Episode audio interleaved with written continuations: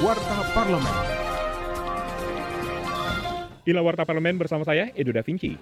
Anggota Komisi 7 DPR Mukhtarudin menilai Indonesia perlu memiliki undang-undang tentang bahan kimia yang mengacu pada peraturan internasional. Hal, hal ini menurutnya perlu untuk pengembangan industri kimia yang berkelanjutan.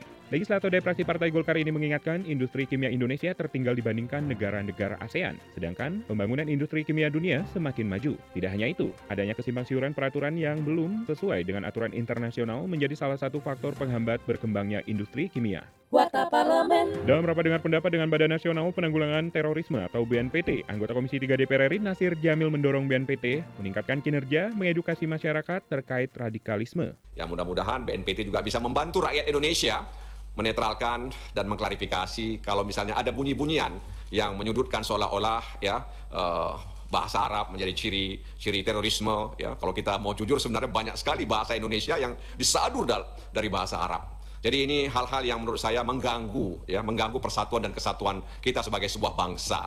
Ya, apalagi kalau kemudian tidak mau dengar musik dianggap radikal, dan ini kan nggak berkelas, kira-kira gitulah menurut saya. Jadi hal-hal seperti ini BNPT perlu ya mengedukasi masyarakat bahwa tidak benar hal-hal seperti itu. Informasi lebih lengkap silakan kunjungi website dpr.go.id.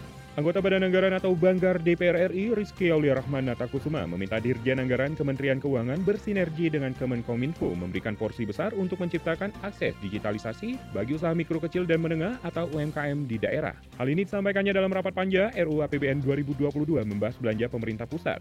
Legislator dari fraksi Partai Demokrat ini menekankan sudah terlalu lama pemerintah menjanjikan dukungan program digital bagi UMKM yang sangat berperan dalam penciptaan lapangan kerja dan perekonomian nasional. Televisi Radio Parlemen. Demikian Warta Parlemen, Produksi TV dan Radio Parlemen, milik Pemerintahan Parlemen, Sekjen DPR RI.